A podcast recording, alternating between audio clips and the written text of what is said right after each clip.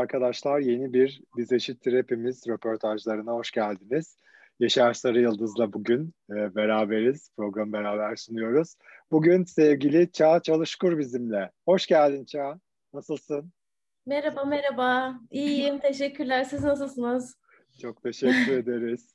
E, ben biraz Biz Eşittir Hepimiz'den bahsedeyim. E, Biz Eşittir Hepimiz e, aslında sadece LGBT artı hakları değil, herkesin yani daha doğrusu e, özgür düşünen, kendi hakkını arayan, insan hakları ile ilgilenen herkesin aynı şemsiye altında toplanmasını istediğimiz bir mottomuz. Aslında evet. biraz da şey çok pardon Sencer yani Tabii böyle ki. işte LGBTİ hakkı, kadın hakkı, işte ne bileyim SMA'lı bebekler, e, hayvan hakları yasası falan hep aynı insanlar sesini çıkarıyor ya artık hani temel insan hakları, temel yaşam hakkı, nefes alabilme hakkı gibi bir savaşımız var. O yüzden e, biz eşittir hepimiz diyoruz. Çünkü birimiz özgür olmayınca diğerimizde olamıyoruz zaten.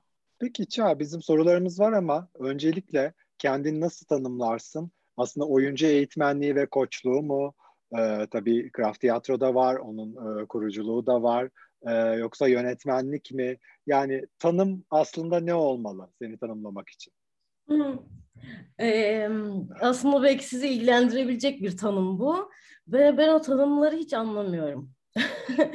Çünkü bilmiyorum, inanın gerçekten bilmiyorum. Bugün ne olduğumu bilmiyorum, yarın ne olacağımı bilmiyorum. Ve o bilmeme hali bana her zaman daha iyi geliyor. Ama e, bugüne kadar neler yaptım derseniz bir sürü değişik şey yaptım. E, uluslararası ilişkiler mezunuyum ben. Ee, daha sonrasında oyunculuk okudum. Arada gazetecilik yaptım. Radikal gazetesinde çalıştım. Daha sonra oyunculuk okuduktan sonra buraya geldim. Dot tiyatroda oyunculuk yaptım. Sonra Craft'ı kurdum. Ee, arada bir bilardo şampiyonluğum var. evet, evet. Ee, ve sonrasında da tam 10 yıldır hem oyuncu koçluğu yapıyorum hem yönetmenlik yapıyorum hem de işte Craft gibi bir e, kültür mekanını aslında e, işletiyor ve oranın her şeyinden de sorumlu olan kişiyim. E, olan bu. Ee, ama yani tam da bu pandemi döneminden dolayı şunları sorguluyorum. Acaba ben bütün bunların hepsini bırakıp tamamen başka bir meslek mi yapsam sorguluyorum. O yüzden bilmiyorum neyim ben. Ama şey zaten böyle gerçekten çok hey maşallah bir şeysin. Baktığı zaman bir sürü şey var. Ben de şey diyecektim şimdi mesela hani bilardo şampiyonluğu var, oyunculuk var, koçluk var. Şimdi hani Craft'ın kurucusu olduğunu düşünürsek aslında girişimcilik var, işte gazetecilik var falan. Şimdi hani ben de bir kadın girişimci olarak aslında biraz biliyorum ve hani kendi yarattığımız o ım, çevrelerin içinde bunu belki de çok başka insanlar kadar yaşamıyor olabiliriz, ülkenin geneli kadar çok yaşamıyor olabiliriz. Ama bu dünyalarda yine de kadın olmanın getirdiği ekstra zorluklarla karşılaştın mı bütün bu yolculuk boyunca? Yine bu, bu sorunun cevabı da benzer bir cevap aslında. Ben çok kendimi de tanımlamadım galiba. O yüzden ben doğrudan bu, bu cins bir şeye e, maruz kalmadım. Hmm. Ee, bir de yani hep güçlü, güçlü kadınlar meselesi üzerinden işledi hayatımı. Güçlü olmak aslında belki de bu da bir as, e, ayrımcılığın sonucunda oluşan bir reaksiyon da olabilir. Ee, hayatta güçlü olmak zorunda hissediyor olmak kendine ama daha çok şuradan bakıyorum yani herhangi bir bireyin ayaklarının üzerinde durabiliyor olması gerekiyor ve oralarda da sağlam basabilmek için bunun gerekli emeğini hayata sarf etmesi gerekiyor diye bakıyorum. Ee, bir galiba mizacımdan gelen bir böyle bir e, e, sertlik ve dominantlıkta olduğu için zannediyorum. E, ben özellikle bu, bu anlamda bir ayrımcılık meselesine maruz kalmadım ama tabii ki çevremde binlerce maruz kalan insan var. E, ben biraz zaman içinde şunu hissettim. E, ben kalmıyorsam eğer onlar adına savaşmak zorundayım diye hissettim. Ee, o yüzden de zaten Kraft'ın yapısı öyle bir yapı. Yani mesela hiyerarşiyi reddeden bir yapı. Ee, hiç olmaz kurumlarda böyle şeyler. Çünkü e, normalde işte müdür adını verdiğiniz ya da hiyerarşik daha üstte olduğunu gördüğünüz kişinin aslında bundan vazgeçmesi gerekir ya onun ortadan kalkabilmesi için. Kraft tam öyle bir yer. Ee, hiçbir hiyerarşisi yok kendi içinde. Herkes ve bütün fikirler eş derecede önemli. E, o yüzden belki bu söylediğiniz soruya cevap olarak e, kendi yaşam alanımı, kurtarılmış bölgemi belki de kurdum ki bunlara maruz kalmamak için ve oranın içinde bulunan herkesi de aslında bundan koruyabilmek için.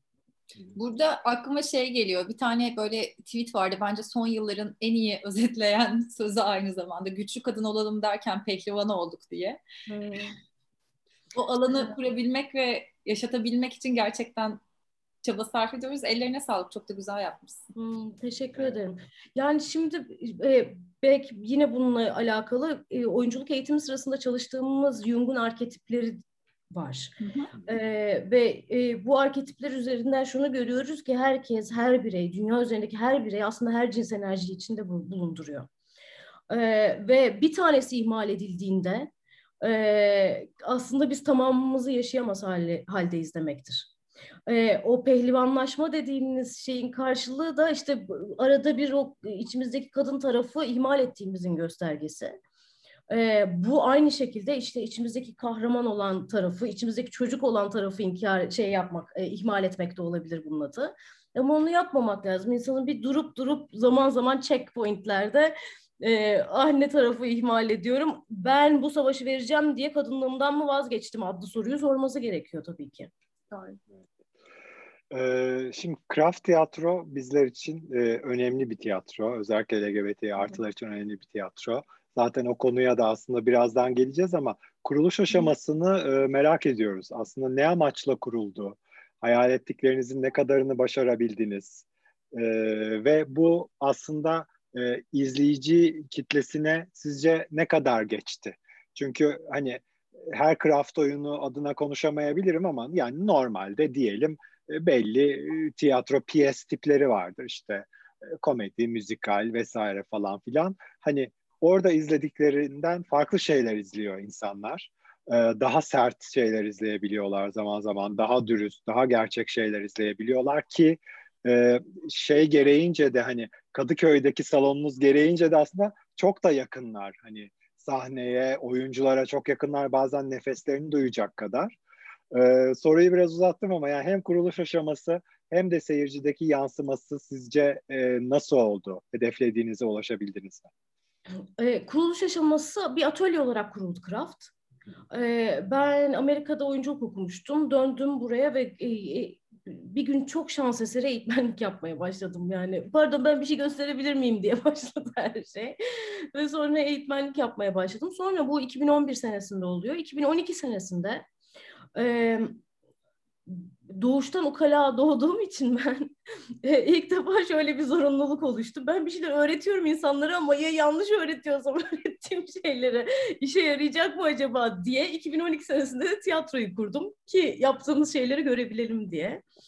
E, ve o zaman Fındıklı'daydı Kraft.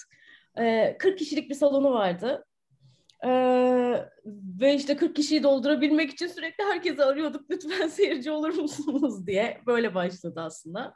Fakat sonra yaptığımız ikinci oyunlarda e, iki aylık biletlerimiz satılmaya başlandı.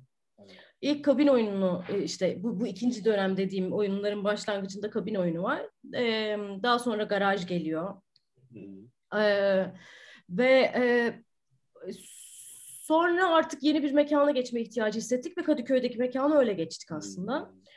Dört sene oldu herhalde e, Kadıköy'e geçeli. Ee, şey yani e, sürekli bir yukarıya doğru bir ivmeyle büyüdü açıkçası. Ee, ama biz de yaptığımız şeyleri, e, lerin en azından kalitesini o tarafa doğru zaten e, büyütmeye çalıştık. Ee, ve şimdi yüz 100 kişilik salonda işte pandemi öncesinde şu anda ne olacak hiç bilmiyorum ama e, pandemi öncesinde 100 kişilik salonlarımız böyle bayağı bir e, önden gidiyordu bilet satışında. Evet evet yani çok zor bilet bulunması bir de gerçekten 100 aslında çok az. Hani o, o oyunlar için özellikle hani çok beğenilen işte ödül alan vesaire ve çok merak edilen oyunlar için tabii 100 kişi çok az bir e, rakam gerçekten doluyordu. Hani ben Şubat ayından Mayıs'a bilet aldığımı falan hatırlıyorum. Doğru. Doğru. Ben doğru. ay sonrasını alıyordum. Hmm. Ee, yani burada tabii iki tane tercih var. Bir tarafta istiyorsanız daha büyük bir salonda oynayabilirsiniz ama o zaman da başka bir şeyden feragat etmiş oluyorsunuz. Yani bu sinemasal dil, oyuncuya yakınlık, e, oyuncunun gerçeklik alanından çıkmaması falan bunlar tabii daha ufak salonlarda daha rahatlıkla yapabildiğimiz şeyler. Yoksa büyük sahnelere mesela benim hiçbir zaman bir şeyim olmadı. Ay şöyle bir büyük sahneye oyun yapayım diye bir isteğim olmadı. Hiçbir zaman olmadı. Tam tersine deneyimi böyle neredeyse bir kişiye bir kişi kadar küçültme isteğindeyim daha çok. Çünkü yani o zaman daha derine doğru bir yolculuk oluyor. Ee, ve e, evet İbrahim benim gibi değil. İbrahim İbrahim hoşuna gitti büyük salonlar. Evet.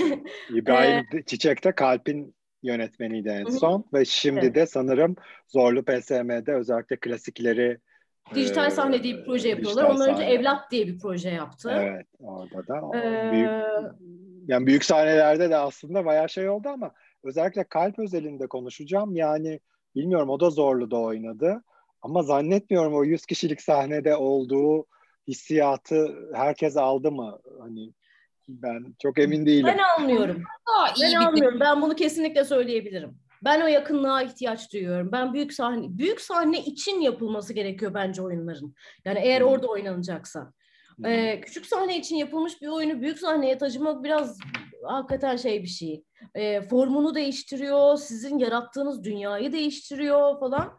Ee, ama dönem dönem öyle işte karşı tarafta turne yapabilmek için zorluğun sahnesine gidiyor oluyoruz genellikle. Ee, bu arada yani bunu böyle söylüyorum ama şimdi mesela yutmak oyunu e, beni bu sene en mutlu eden anlardan bir tanesine sebep oldu. E, 40 kişiyle başladık söylediğim gibi ve 40'ı doldurabilmek için telefon açıyorduk. Ee, İbo beni yutmak zorladı diye işte şey yaptı hadi gel sen de oyna dedi. Hakikaten kulise girdim. Ondan sonra oyun başlıyor dediler falan. Ben bir anda böyle salona doğru gittim. Kapıyı bir açtım. Bin kişi var. Evet. Yani hala burnumun burnum titriyor öyle söyleyeyim size. Na, biz bunu ne zaman yap? Bu nasıl oldu acaba diye. Yani evet. Ne oldu yani, da biz bu hale geldik? Nasıl bin kişi bizim söylediğimiz lafları dinliyor şu anda? Daha önce 30 kişiydik çünkü.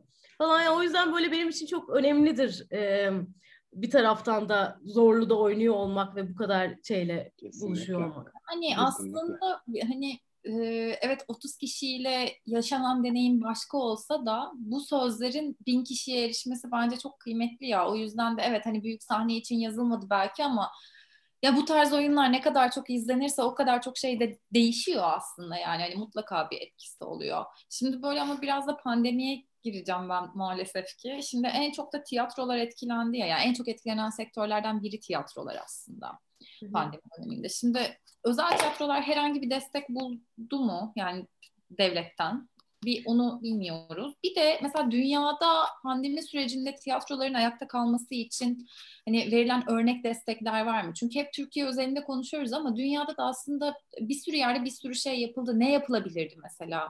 Biraz onlardan bahsedelim mi? E ne yapılabilirdi? Mesela bugüne kadar toplanmış olan bütün vergiler bize şu anda tam da gerekli olan anda geri ödenebilirdi mesela. yani e, çünkü onun için toplanmışlardı onlar aslında. e, ya da şu olabilirdi. E, şimdi bu, bu gerçekten bir mücbir sebep. Bizim açımızdan mutlaka öyle. Yani e, insanları bir araya toplayamıyoruz. Dolayısıyla da tiyatronun gereği olan hiçbir şey gerçekleşemiyor. O yüzden başka sektörlere geçmeye başladık. Yani dijital tiyatro yapılmak zorunda kalınıyor mesela. Halbuki tiyatronun en önemli özelliği dijital olmayışı zaten. yani. Yani Aynen. şeyde mesela Brüksel'de duydum ben. Böyle Brüksel'de işte dükkanların vitrinlerini kiralamış belediye. Ee, orada işte ne bileyim hani pandomim sanatçıları, işte performans sanatçıları, tiyatrocular falan vitrinlerde içerisi boş. Oradan oyunu sergiliyor. İnsanlar dışarıdan açık havadan izleyebiliyor. Ya çok tatlı bir fikir ve gerçekten hani akıl sağlığımızı kaybetmiyorsak da bunu sanata borçluyuz. Yani biraz destekleyebilsek iyiydi. Şimdi mesela online tiyatro evet hayatımıza girdi ama şimdi mesela bazıları oyun kaydı oluyor online tiyatroların. Yani direkt kaydı izliyorsun. Bazen de sahneden canlı oluyor. Şimdi mesela eğitmenler de bu dönemde bir depresyon yaşıyor ya çünkü hani öğrenciyle göz göze olmaya alıştılar. Ya tiyatrocular açısından nasıl bir durum bu? Çünkü hani o yani tiyatronun olayı zaten seyirciyle etkileşimde tutabilmek ya yani seyircinin frekansını gözetebilmek. Hem tiyatro oyuncuları bundan nasıl etkilendi? Hem de mesela online tiyatroyla da değirmen dönüyor mu? Bir sormak istedik. Ben bir kere online tiyatro karşıtıyım öyle söyleyeyim. Yani hiç hiç hiç beni hiç heyecanlandırmıyor. O zaman niye film çekmiyorum diye hissediyor oluyorum. Yani o zaman doğrudan o mesleğin kendisini yapmak gibi bir şans var. Ama tabii ki elimizde bir takım oyunlar vardı. Craft'ın dört tane oyunu vardı. E, Premier yapacak olan iki oyunu vardı ve böyle duruyoruz şu anda. E, yani hiçbir şey yapılamadı. E, o yüzden ben tiyatroyu dijitalleştirmek yerine dinlenmeyi tercih ediyorum. Hmm. Yani en azından bundan sonra yapabileceğim şeyler için veya bu yeni düzene ayak uyduracak, aynı zamanda da benim tiyatro inancıma karşı gelmeyecek bir sistem bulabilir miyim diye kendimi rölantide tutuyorum şu anda açıkçası. Ee, artı e, tabii Türk Türk oyunlarda belki veya işte yazarını tanıdığımız oyunlarda birazcık daha mümkün olan bir şey. Yabancı yazarlarla olduğunda çok ciddi dijital platformlarda olduğunda çok ciddi teliflere e, denk geliyor. O yüzden e, dijital tiyatroyu yapmamanız yapmanızdan daha mantıklı oluyor bir taraftan bakıldığında. E, ama yani insanların akıl sağlığını kaybetmemeleri için bence şu gerçekliği kaybetmeden yani şu anda Zoom'dayız ve hep hepimiz de farkındayız Zoom'da olduğumuz gerçeğinin. Ee, bu bu gerçekliğimizi kaybetmeden birlikte bir şeyler yapabiliyor muyuz? Yani tiyatronun bazı e, becerilerini e, acaba Zoom üzerinden e, akıl sağlığı yitirmemek üzerine kullanabiliyor muyuz, kullanamaz mıyız? Bu, bu, bu araştırılabilir bir şey. Ki şunu da söyleyebilirim. Ben e, eğitimlerime online olarak devam ediyorum. E, ve e, başlangıçta çok direnç göstermiştim. Yani oyunculuk online öğretilebilecek bir şey değil diye başladım. Ama öbür taraftan e, böyle bir ekranda 20 tane öğrencimi eş zamanlı olarak an be an görebiliyor olmak e, bana derslerde çok iyi geldi. Çünkü ders sırasında aslında şöyle yapıyormuşum. Seyirci gibi öğrencilerim arkamda kalıyormuş ve sahnede çalıştığım bir kişi varmış o sırada. Ve ben bir kişiyi görüyormuşum bütün ders boyunca. Zoom'a geçince onun farkına vardım. Çünkü burada bir anda Ahmet sen öyle yapıyorsun bak e, Melis böyle düşündüğünü görüyorum falan diye bütün herkesi kontrol edebildiğim bir sistem oluştu. E, o zaman daha canlı işliyor e, dersler. Kaldı ki e, iki günlük workshop diye başladığımız şeyleri altıncı ayına girdi şu anda. Vay. Herkes de çok memnun. Yani sadece ben memnun değilim. Aa ne güzel ders veriyorum diye. E, aynı zamanda onlar da ne kadar faydalı oluyor burada bu yaptığımız şeyler e, demeye başladılar. Ve hakikaten de bırakamıyoruz yani. Bırakmak için yola çıkmıştık halbuki. Ya bazı şeylerin avantajı olduğu kesin. Mesela iş dünyasında da toplantı için çok mantıklı oldu. Yani işte kalkıyordum mesela Beyoğlu'ndan iki telliye gidiyorsun, iki saat dönüyorsun bilmem ne toplamda ne konuştun? Yarım saat konuştun. Yani aslında hani bir zaman dan da kazanma durumu var. O anlamda o zaman şey gibi algılıyorum ben bunu böyle özetliyorum. Yani evet online tiyatro izlemek ya da online tiyatro icra etmek değil ama online eğitim evet tercih edilebilir belki önümüzdeki Ya da tiyatroyu Zoom üzerinden yaptığımız gerçekliğini bırakmadan yapmak. Hmm. Diğer olasılık da bu. Evet. Şu anda bu karakterler Zoom üzerinden konuşuyorlar. Gerçeğimiz bu yani. Ya da herhangi bir başka platform olabilir bunun karşılığı. Ee, mailleşme olabilir. Değil mi? Yani hani illa olmaz diye bir şey yok. Görmek zorunda değiliz tiyatroda illaki şeyi, Hı-hı. karşımızdaki kişiyi. Mailleşme olabilir, işte Zoom olabilir, Instagram olabilir bunun karşılığı ya da herhangi bir başka platform. Mesela şeyden şimdi Clubhouse, Clubhouse dediler. Clubhouse'da tiyatro yapılamaz mı? Yapılır. Gayet rahatlıkla yapılır. Sadece ben o gerçeği inkar etmeden yapma taraftarıyım. Tek şeyim bu hem e, daha da güzeli mute alabiliyorsunuz seyirci. Evet. Öksürdü bir şey oldu falan gibi bir durum da söz konusu olmuyor. Şimdi Craft Tiyatro'nun değerinden aslında bahsetmiştik. Ama metinlerde özellikle yani seçilen metinlerde özellikle azınlıkların işte toplumun dışına itilmişlerin e, yer aldığı e, metinleri görüyoruz o karakterlerin olduğu. Biz de çok mutlu ediyor. Ee, peki siz e, böyle bir misyon üstlendiğinizi düşünüyor musunuz aslında yani craft tiyatro olarak hani özellikle bu tip metinlerin olması gibi. Çünkü daha hani tokat gibi oluyor, daha gerçek oluyor daha önce dediğimiz gibi aslında. Şöyle ben bu anlamda biçimsel bir kaygıyla hiç yaklaşmıyorum. Ama Hı-hı. şuradan yaklaşıyorum tabii ki. Yani e, tiyatronun benim için anlamı hayatta bir şeylere maruz kalan insanları anlamaya çalışmak demek. Yani yegane tanımı bu. O yüzden e, her herhangi e, dezavantajlı grup, herhangi e, toplum içinde mağdur edilen, siyasi olarak mağdur edilen e, ya da kendi duygusal dünyasının içinde kendini mağdur etmekte olan e, bütün yapılar benim mesleğimin konusu en nihayetinde. Ve onları hangi hassaslıkla algıladığım aslında yaptığım mesleğin sürecini oluşturuyor. Ben garip bir anneye, garip bir babaya doğdum. Ve hayattaki şu anda bu toplumun içindeki Türkiye'deki bir sürü konu olan şey benim evimin konusu değildi. Yani onlar default kabul ediliyorlardı. Onlar zaten öyle kabul ediliyordu. Yani eşitlik denilen şeyin e, aksi kabul edilmesi zaten düşünülemez olan şeydi. E, o yüzden yani çok çok hümanizm üzerinden işleyen ve daha sonrasında tabii bunun sadece hümanizm açısından ele alınamayacağını, e, adının koyulması gerektiğini anladığım süreçlerden geçtiğim, kadın hakları için de geçerli, LGBTİ hakları için de geçerli. Yani e, adının koyulup ben şu anda bununla ilgili bir şey yapıyorum ve bunu yapmaktan da korkmuyorum adlı cümlenin söylenmesinin ne kadar önemli olduğunu fark ettiğim dönemler oldu. E, ama özünde çıkış yeri e, dur ben bir sert bir metin yapayım ve insanları etkileyeyim diye bir motivasyonu hele hiçbir zaman olmadı. Ama seyirci kalabilme şansım yoktu. Yani hayatta bu misyonu edinip bu mesleği yapmayı seçip ne yapacaktım yani hani e, LGBT'yi görmezden mi gelecektik yani ne yapabilirdik? Veya kadınları görmezden, mi olacak? görmezden şey. mi gelecektik yani? Hı hı. Aynen. Ee, özellikle garaj ve e, kalpten e, bahsetmek istiyoruz e, aslında işte e, garaj bir Tutmak var, kabin var, hepsi hepsi de LGBT var. Hepsinde var. E, ama özellikle bu oyunların sahne çünkü bunlar ayrıca tabii yutmak da öyle keza. Bu oyunların sahnelenme süreçleri nasıl oldu? Çünkü ben mesela Kalp'in bir provasını görmüştüm. Bayağı öncesinde böyle bir temas egzersizi mi? Böyle bir şeyler yapılıyor. Çünkü hani oyun içerisinde işte çok yakın oldukları sahneler var. Çok duygusal sahneler var ve bütün e, bu doğru duyguyu vermek için sanırım her oyun öncesinde işte böyle yanlış biliyorsam ne olur düzelt sarılma egzersizi olabilir, farklı şeyler olabilir. Hep böyle şeyler yapılıyor diye biliyorum her oyun öncesinde.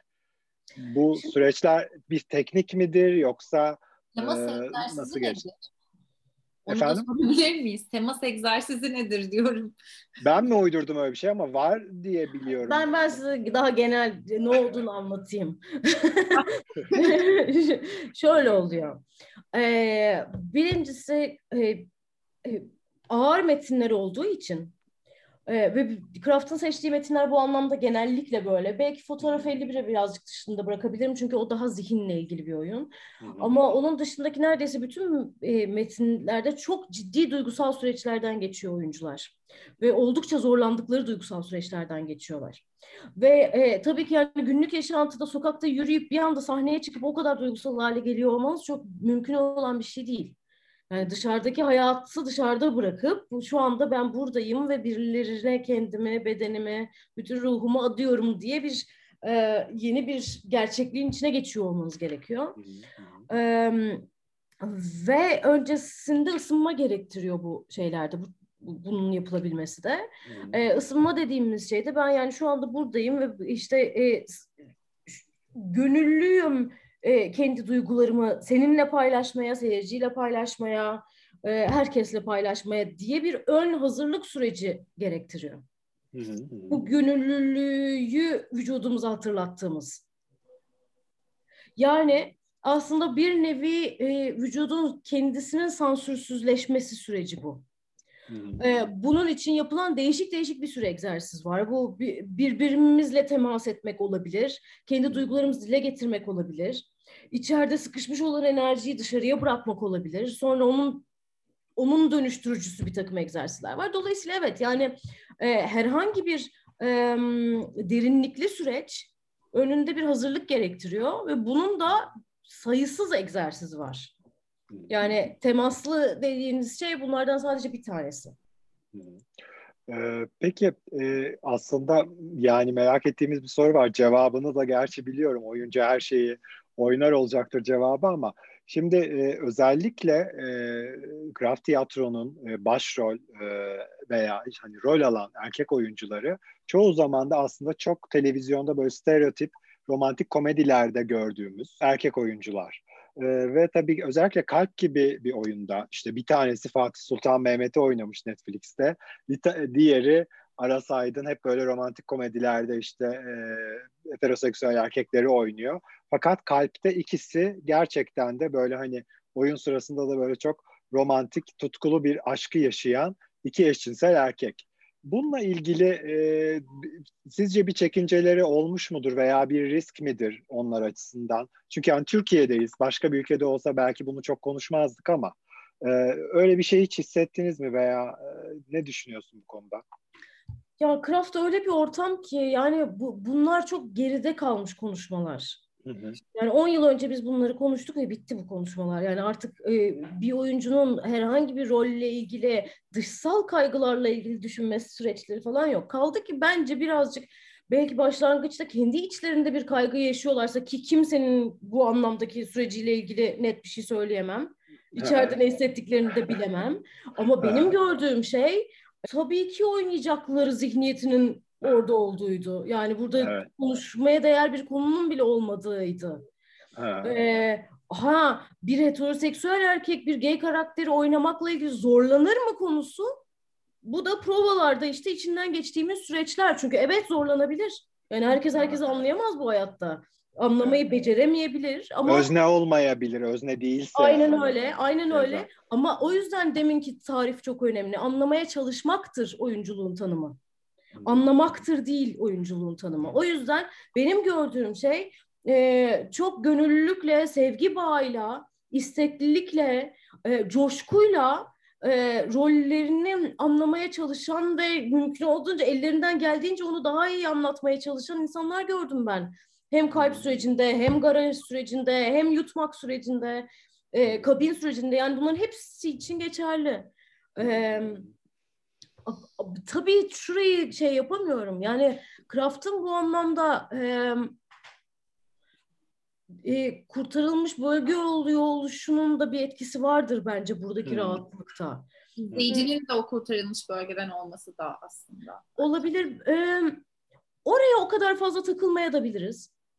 Çünkü en başındaki çıkan ideolojik yer yani ilk daha ilk adımı atmamıza sebep olan ideolojik kısım zaten seyirciden bağımsızlaştırıyor olmuyor. Yani biz bunu yapmak zorundayız diye hissettiğimiz hmm. ve aksi takdirde nefes alamayız diye hissettiğimiz bir yer orası. Hmm. O yüzden biz yani en nihayetinde binlerce seyirci geliyor Kraft'a. Yani o binlercenin içinde kimler olduğunu çok bildiğimiz bir yerden yaşamıyoruz biz. Tabii, Tabii ki seçilmiştir. Yani tabii ki bu anlamda daha entelektüel, daha tiyatro takip eden, bırakın tiyatro takip etmeyi, tiyatrolar arasında da craft'ın ne olduğunu anlamış olan seyirci kadar seçilmişliği vardır mu muhtemelen. Ama öyle olmayanlar da var. Mutlaka. Tesadüfen tabii, gelen tabii. bir olmuştur. Tabii tabii. Ve hani içselleştirilmiş homofobisi olan bir insan e, hani hak vermiyorum ama zorlanabilir kalbi izlerken yani diyelim gelmiştir e, oraya bir de o yani zorlanabilir. O da hani en doğal hakkıdır diyeceğim ama yani günün sonunda Hakkı kendini eğitmek hayır şunu Kendi demek istiyorum. işte onun da evet, yani. kendini eğitmek zorundadır. Yani hani ee, böyle bir şey yoktur yani. Tiyatronun özelliklerinden bir tanesi biz eski eski çiz tiyatroda genellikle e, bir ders çıkarmak üzerine ya da işte e, birilerini iyileştirmek üzerine giden böyle şeyler vardı. Şimdiki tiyatro bu in your face'lerle birlikte provoke etmenin de en az onun öbür taraflar kadar faydalı bir e, toplum değiştirici kuvveti olduğunu ortaya çıkartıyor. Aynen, ee, aynen. Ve ben kendi adıma seyircinin sürekli hak verdiği noktadan dışarıya çıkıyor olması gibi bir dert taşımıyorum kendi içimde. Rahatsız olmuş olması bile e, benim tiyatro yapmam şeydir. Aynen. Önemli o yüzden gerçek. E, tam tersine mutlu oluyorum ama başka da bir gerçek var ki benim bu 10 yıllık süreçte gördüğüm e, benim e, trans öğrencilerim oldu, benim LGBT üyesi e, öğrencilerim oldu e, ve e, birazcık Kraft'ın hastane gibi çalıştığı bir anlamıyla. Hmm. E, çünkü ister istemez bir kere kendilerini dile getirebildikleri bir özgür ortamın kendisi zaten çok muazzam bir şey. Evet. Ee, öbür taraftan hiçbir özelliklerinden dolayı yargılanmayacaklarını hissettikleri, dolayısıyla da zaaflı, negatif, e, özür dilemek zorunda olmayan e, hallerini yaşamanın lüksüyle karşılaştılar hayatlarında ilk defa. Ve ben bundan dolayı iyileşmiş çok da çok fazla birey tanıyorum Craft'ın içinde. E, gerek oyunlarında gerek öğrencilerin arasından. Ee, yani şu, şu, şuralardan geldik buralara. İşte ilk Craft'a girdikleri gün kafalarını öne eğerek içeriye giren bireylerden bugün e, ben hayatta böyle böyle bu şartlarda yaşıyorum ve bakın bu dayakları yedim bu hayatta ama bunları birileriyle paylaşmaktan korkmuyorum dedikleri noktaya geldiler. Şimdi bunlar çok değerli. Gerçekten Tabii ki. çok önemli. Zaten yaşadığını kabullendikçe, yaşadıklarını kabullendikçe güçleniyorsun ya o yolculukta çok anlamlı bir faydası olmuş. Hani o çok belli. Sadece ama yine de şeyi sormak istiyorum. Şimdi evet hani craft kendi içinde kimseyi yargılamıyor ve herkesin kabul edildiği bir ortam ama herhangi bir şeyden yargılanabildiğimiz bir dünyada yaşıyoruz ya şu anda bir ülkede yaşıyoruz ya. Ya yine de hani işte mesela metinler sert diyoruz, işte e, olabildiğince özgür oluyoruz diyoruz ama yine de tam olarak özgür müsünüz bu oyunları sahnelerken yoksa hiç otosansür ister istemez uygulandığı oluyor mu? Yani şunu da şöyle Bende hiç yok. Doğruyu söyleyeyim. Bende hiç yok. Ama belki de bu röportajın benle yapılmaması lazım. Çünkü olan bir sürü insan var. E, craft'ın içinde evet. de var mı? Bunu böyle söylemeye hiç yok. Aa, hiç hiç hiç yok. Evet, çünkü o pozisyon şöyle bir pozisyondur. O oyunu yapmamanız daha iyi bir şeydir. Hı hı. Eğer sansüre sokacaksanız kendinize ya da birileri sizi bir sansüre sokacaksa eğer o oyunu yapmamak her zaman daha iyidir. Çünkü alttan alta her oyun e, bir sanat eserini ortaya çıkarttığınızda söylediğinizde hayır yani ben kendi dilim budur ve ben bu şekilde söylemek istiyorum dediğiniz için bir sanat eseri oluşturursunuz. Yoksa ne gerek var ki sanat yapmaya? Bunu bu şekilde yapmayacaksak. Ee, ama bu ülkede eserler sansürlenmedi mi? Veya oyunlar kaldırılmadı mı? Kaldırıldı. Bu, bu da doğru. Ee, belki e, yardımcı olmuş olan şeylerden bir tanesi de şu olabilir. Ben e, ve hiç yani craft'taki hiç kimse hümanizm damarını hiçbir zaman kaybetmedi. Yani bu burası çok çok kritik. E, hümanizm de demeyeyim hatta buna. E, canlılarla olan e, tüm ilişki diyeyim. Yani hayvanlarla, bitkilerle ve insanlarla olan tüm ilişki. E, biz bu dünyanın bile bizim olmadığına inandığımız bir yerde duruyoruz. Yani e, insanın fazla overrated bir şey olduğunu, fazla e, kendine e, e, hakim zanneder bir varlık olduğunu düşünüyoruz. E, o yüzden de bütün bunların özünden çıkan şey şu oluyor. E, bir insanın derdi anlatılıyor. Onun bir LGBT bireyi oluyor olması, onun bir işte e, çocuk oluyor olması, onun bir kedi oluyor olması önemli değil. Çünkü dünya üzerinde herkes bu problemleri yaşıyor e, bu özü kaybetmiyoruz ve bu yüzden de insanların duygusuna dokunan bir şey oluyor ve e, ama hiç de şuraya geçmedim açıkçası. Yani şimdi siz söyleyince ben de beraberinde düşünüyorum. Yani dur bakayım şu oyunu bir yapmayayım çünkü bu oyun tehlikeli olabilir diye hiç düşünmedim. Oyun değil ama belki oyunun içindeki işte bunu da böyle söylersek başımıza iş alırız gibi. Ya çünkü bu arada olsa da hani burada yargılayacak da değiliz. Çünkü çok normal ve biraz gelişen bir şey ama bence bunun olmamasının en büyük nedeni zaten çok ideal bir ortamda büyümüş ve hiç bu düşünceleri işte o gelişme döneminde aklından da geçirmemiş olma. Ee, diğer pozisyonda ben tiyatro yapmazdım. Başka bir meslek yapardım. Sanat da yapmazdım. Yani ne yazık ki böyle. Şey geldi. Biz seneler önce Craft'ta şeye gelmiştik toplantıya benim bir dijital iletişim ajansı var. iki ortağız biz. Sunum falan yapmıştık. Giderken çok güzel reçel vermiştiniz bize. Böyle çok tatlı kavanoz kavanoz reçeller vardı. Akşam da garajı izlemiştik galiba. Belki ya. alternatif meslek olarak reçeller çok iyiydi aklımda. Reçelciliğe girelim biz. Yok ben eğitmenliği bırakmam muhtemelen. Yani o eğitmenlik kanalında çok önemli konular var. Yani orada e, Hatta çok bırakmayı düşündüğüm anlarda özellikle bu pandemiden dolayı çok bırakmayı düşündüğüm anlarda bile hep hayır ben burada çok önemli bir şey yapıyoruz bunu bırakamayız diye hissettim. O yüzden reçel artı eğitmenlik belki. Bence iyi, iyi eğitmenlere her zaman ihtiyaç var oyunculuk açısından o yüzden bence bırakmaman da çok iyi olur. Peki son sorumuza gelelim aslında herkese soruyoruz. Ee, ülkenin halini durumunu görüyoruz. Ee, başkan oldun, ülkeyi sana verdiler. İlk ne yaparsın, neyi değiştirirsin Türkiye'de? İlk gün, mesainin ilk günü. Ben bunu geçenlerde bir düşünüp kendi kendime yolda yürürken düşünüp ben eğitim bakanı olacağım falan gibi şeyler söylemiştim kendi içimden. Ee, neyi değiştiririm? Yani şunu şunu değiştiririm. Abi iki tane şey geliyor aklıma. Ee, bir tanesi insan kavramının ne demek olduğuna dair bir şeyleri değiştirmek isterim. bütün bu algıyı genel eğitimlerden, bütün kendini önemseyen insanların bünyesinden çıkarmak üzere ne yapılması gerekiyorsa yani. Ee, burada hem insan kavramının fazla önemseniyor olması hem de bireylerin kendilerini fazla önemsedikleri pozisyonların hepsini değiştirecek. Ne yapabiliyorsam yapmak isterim.